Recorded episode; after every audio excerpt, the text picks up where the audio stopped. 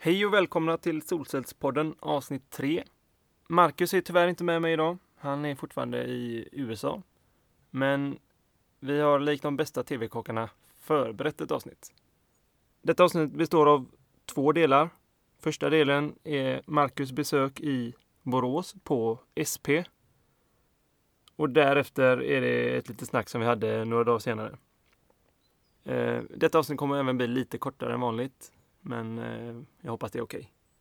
Vi fick eh, massa nya roliga följare på Twitter också i veckan här. Efter att vi blev retweetade av Lise Nordin som är Miljöpartiets energitalesperson. Det var jätteroligt. Ja, och med de orden. Välkomna till det tredje avsnittet av Solcellspodden med mig Per Hedstedt och Marcus Eriksson.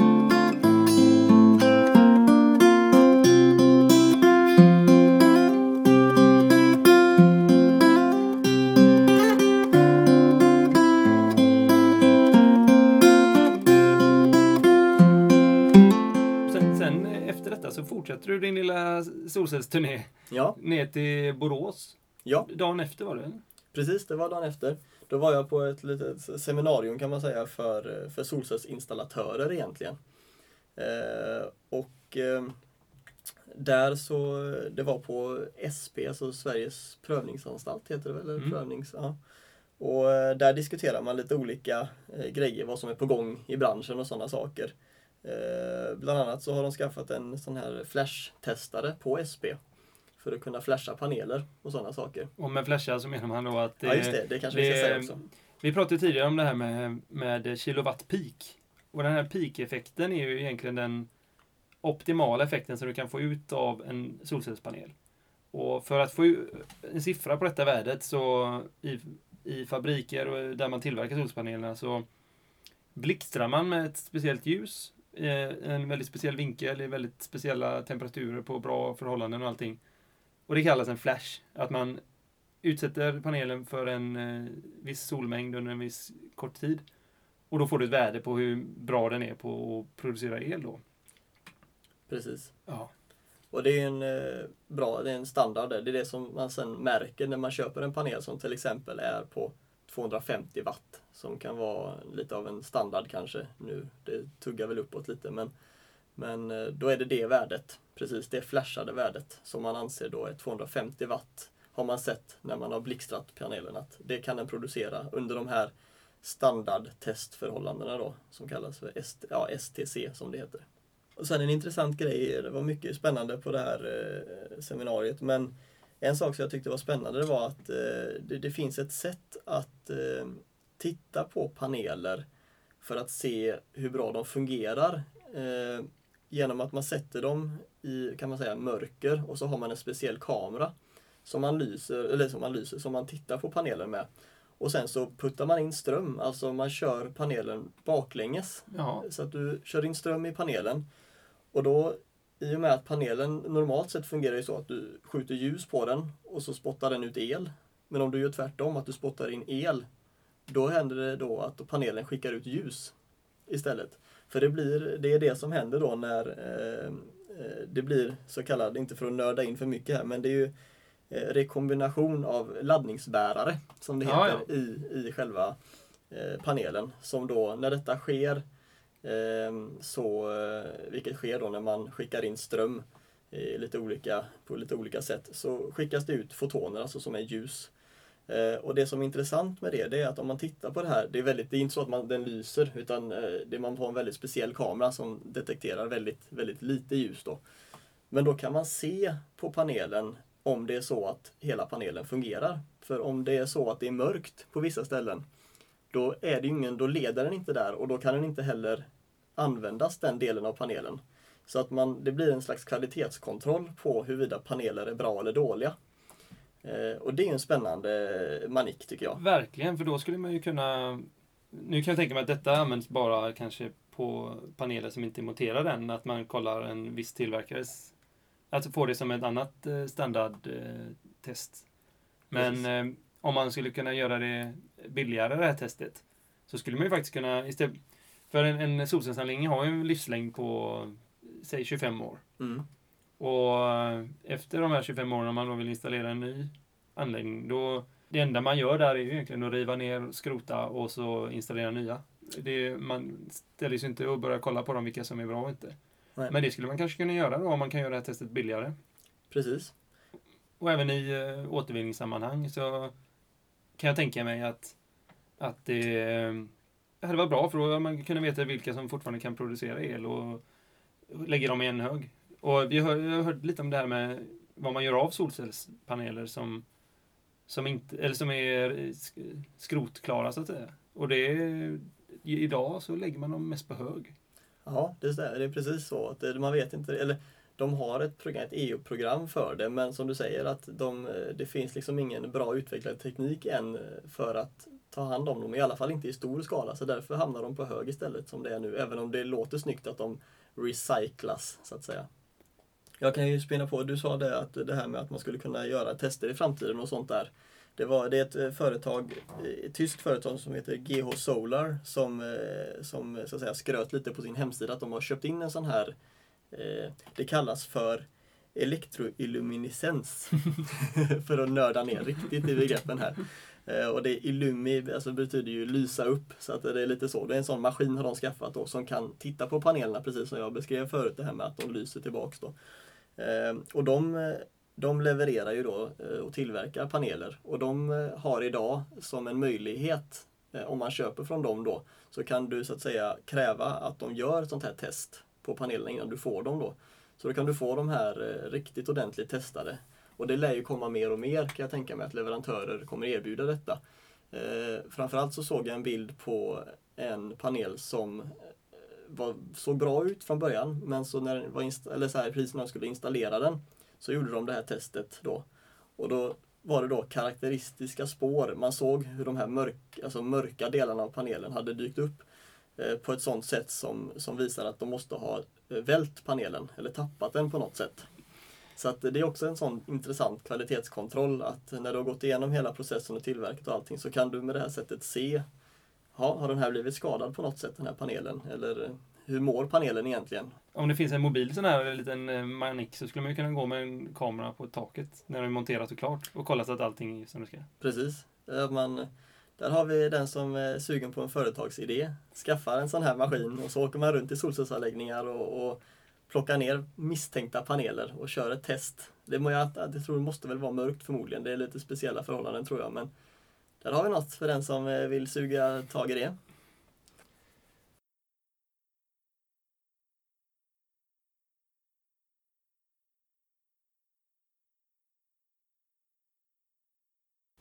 Vi har ju pratat lite om klimatmål och sånt. Ja, det har varit uppe några gånger. Ja, och de bestäms ju... EUs klimatmål bestämmer ju EU. Jag tror att de bestämmer dem på de här Coop-mötena.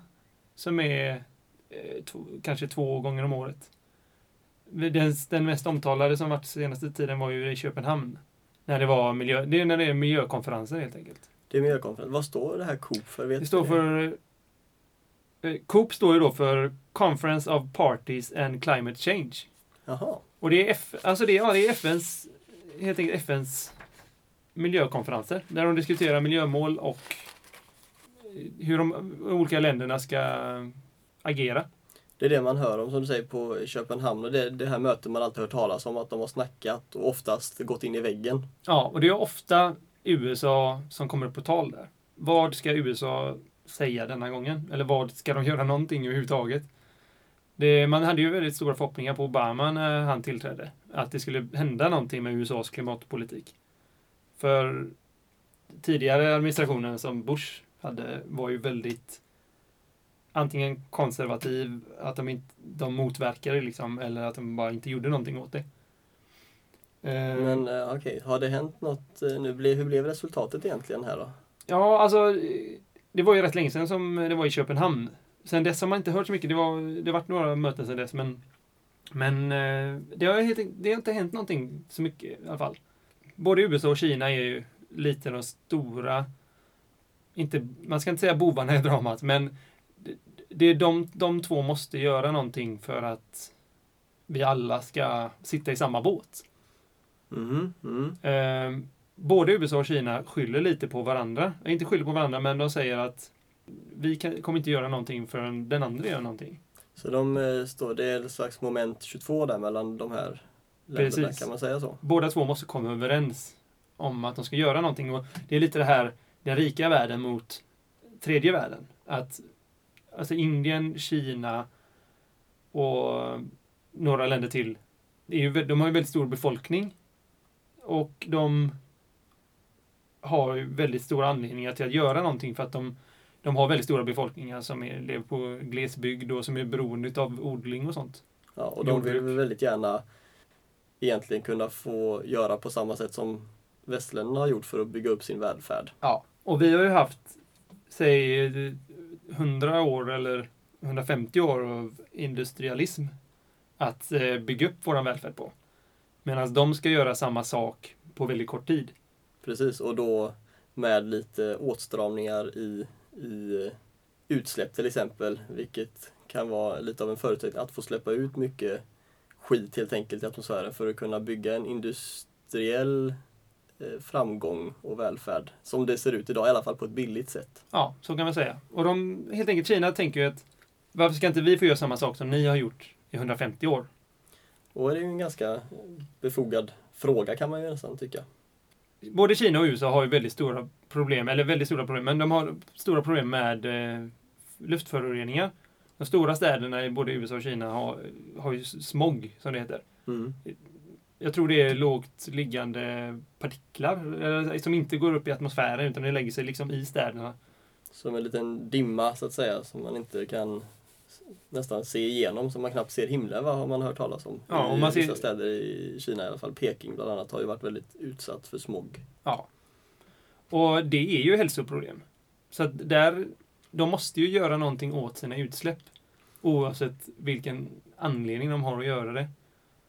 Så det kanske för deras del eh, kan vara lite motiverat just för den här smoggen och ren, alltså raka hälsoeffekter av utsläppen och att det så att säga påverkar i närområdet de här utsläppen snarare än att det är en global klimat, klimatpåverkan som man motiverar att man måste göra någonting åt. Ja, det skulle jag kunna tänka mig att eh, deras mål behöver inte vara att, att stoppa global uppvärmning utan det kan vara till att börja med att bara dra ner sina utsläpp.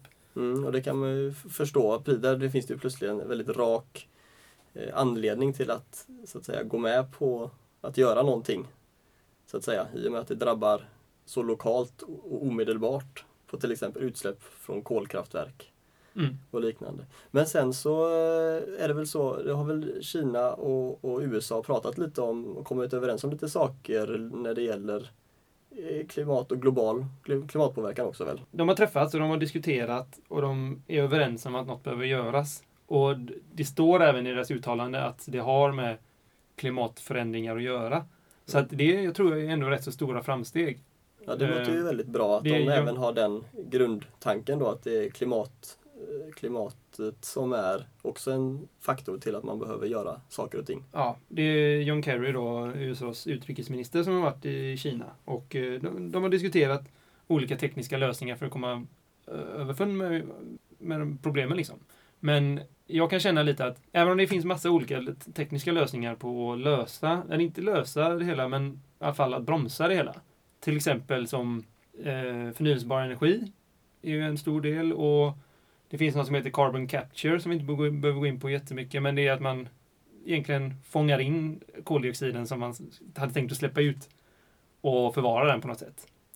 Men jag tror fortfarande att den stora, stora grejen man måste göra är att bara fundera på sina resurser. Hur mycket resurser har vi och vad behöver vi göra för att inte förbruka så mycket resurser? Jo, men jag kan förstå din tanke där. Du menar att man ska, liksom, man ska ta storsläggan, man ska göra någonting åt själva problemet att man faktiskt har ett behov av att släppa ut så mycket snarare än att liksom smålösa, att vi stoppar undan eh, saker och ting. Till exempel koldioxiden skyfflar vi undan men vi fortsätter med samma tekniker och sådana saker. Ja, vi ändrar inte våra mönster utan vi försöker bygga bort effekterna av våra mönster. Precis. Eller följderna. Mm, där har vi väl ett genomgående stort problem när det gäller saker och ting som kostar pengar och där man måste ta, ta i med hårdhandskarna och göra stora samhälleliga förändringar. Hur vi lever våra liv. Och där är det klart att det vill ju inte politiker alltid peta i så mycket. För då finns det folk som tycker att man måste förändra sin livsstil och det är klart att det är lite klurigt hur man ska lyckas med att ändra på mönster just. Mm.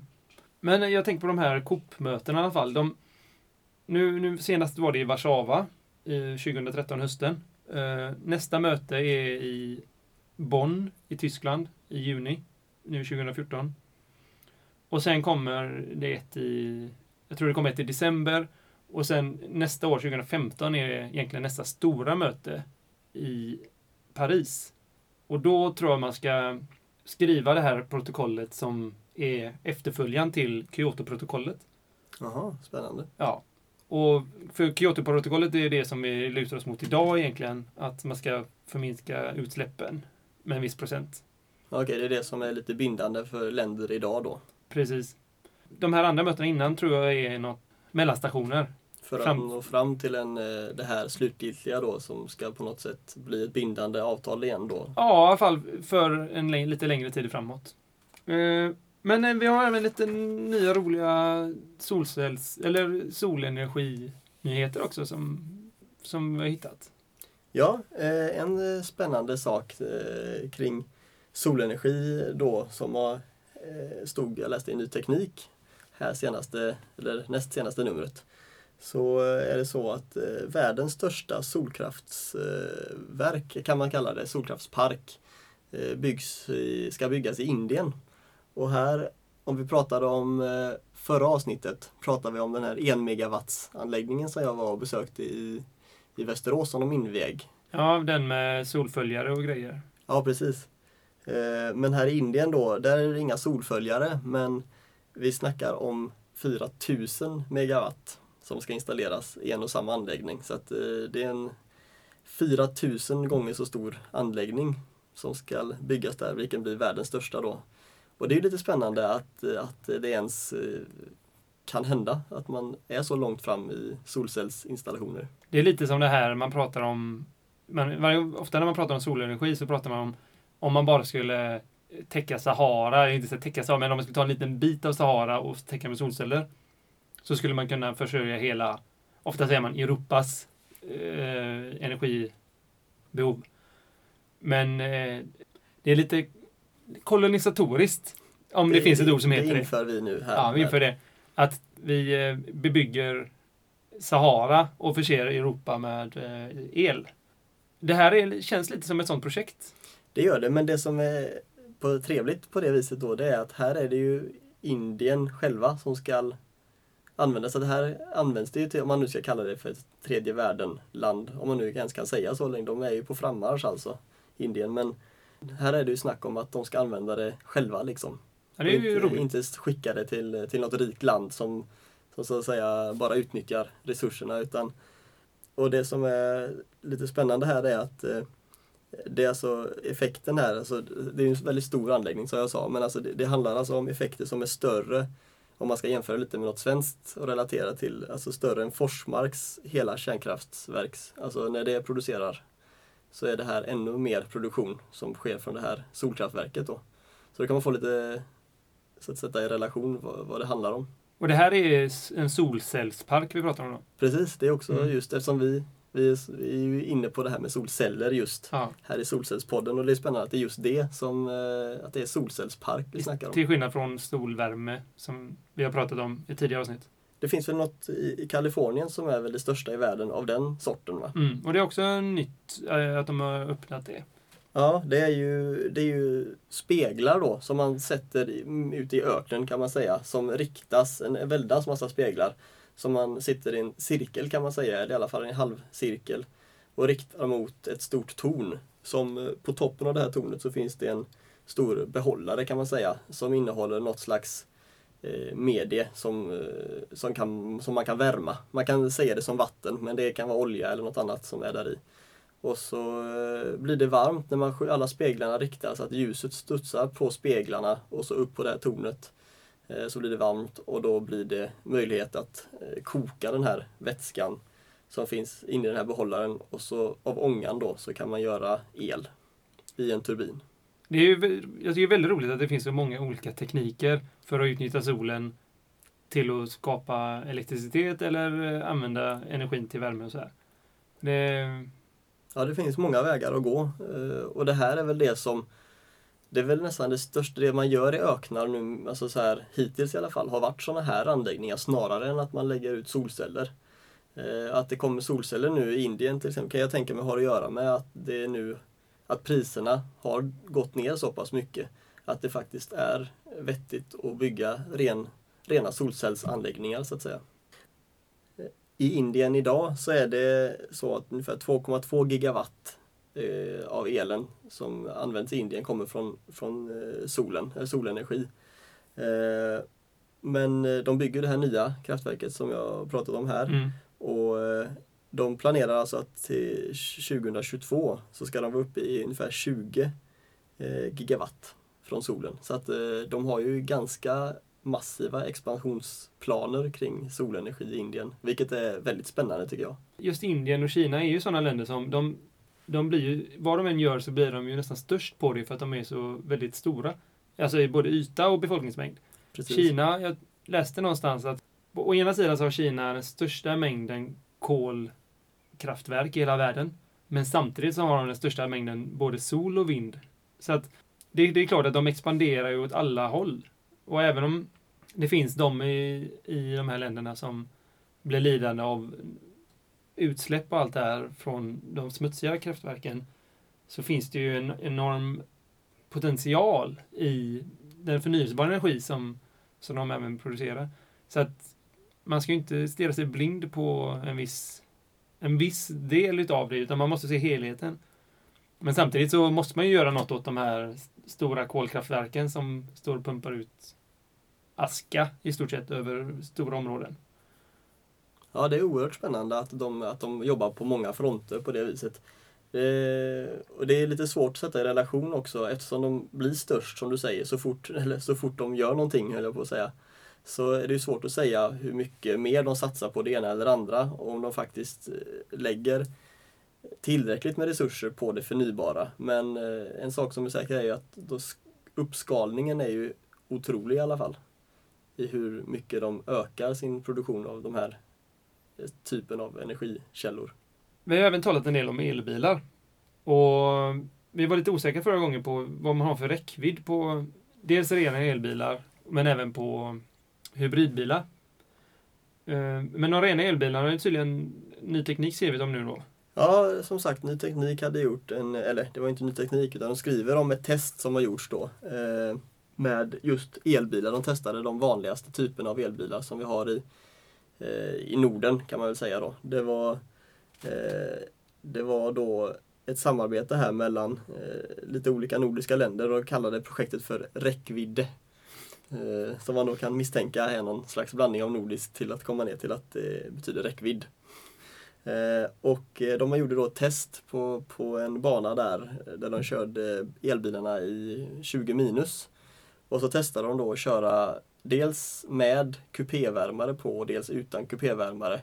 Och även då i två olika hastigheter. Jag tror 70, det var 50 km i timmen och 90 km i timmen för att se hur elbilarna beter sig i detta väldigt extrema väder då. För att få en slags känsla för hur det nordiska klimatet kan påverka elbilarna.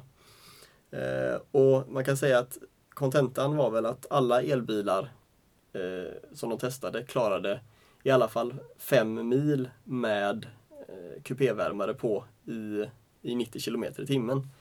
Och det kan ju, så här, mycket mer, de sämsta klarar inte så mycket mer. Och det kan ju låta lite klent så här vid första tanken tycker jag. Fem kilometer, eller fem mil är inte så, så häftigt ändå. Men Nej, det, det, det täcker ju in liksom de här dagliga resorna man gör då.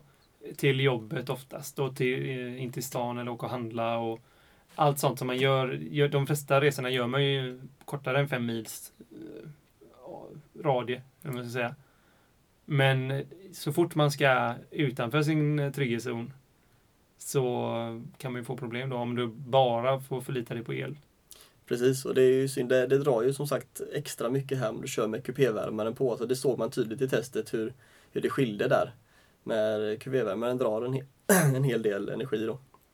Eh, men eh, det får man ju tänka på att det här testet gjordes ju för att det skulle vara extremt, alltså 20 minusgrader och sådana saker. Så att eh, det är klart att elbilarna går ju längre eh, i vanliga sammanhang så att säga. Men även om det så att säga kommer en extrem dag och du ska pendla in till, vad att säga, från någon så här, ort runt om Göteborg. Och, så om det är då två och en halv mil så pallar man att köra fram och tillbaks utan att vara orolig för, för räckvidden oavsett väder egentligen. Och även om du vill ha varmt i bilen då. Eh, sen kan man ju lägga till det att eh, så vanligt så står ju Tesla, Tesla Roadster, den bilen, eh, ut lite bland de andra. För den eh, hade ju inga problem att klara, jag kommer inte ihåg exakt hur långt det var, men de hade ju staplar för de här olika bilarna och Teslan bara, deras den stapeln den gick ju nästan utanför, eh, utanför diagrammet så att säga. Vi kan ju nästan länka till den på vår Facebook. Ja, det kan vi göra. Mm. Sen eh, kan ni gå in och kika på vilken elbil som är vettig. Man kanske inte kan köpa en Tesla alla.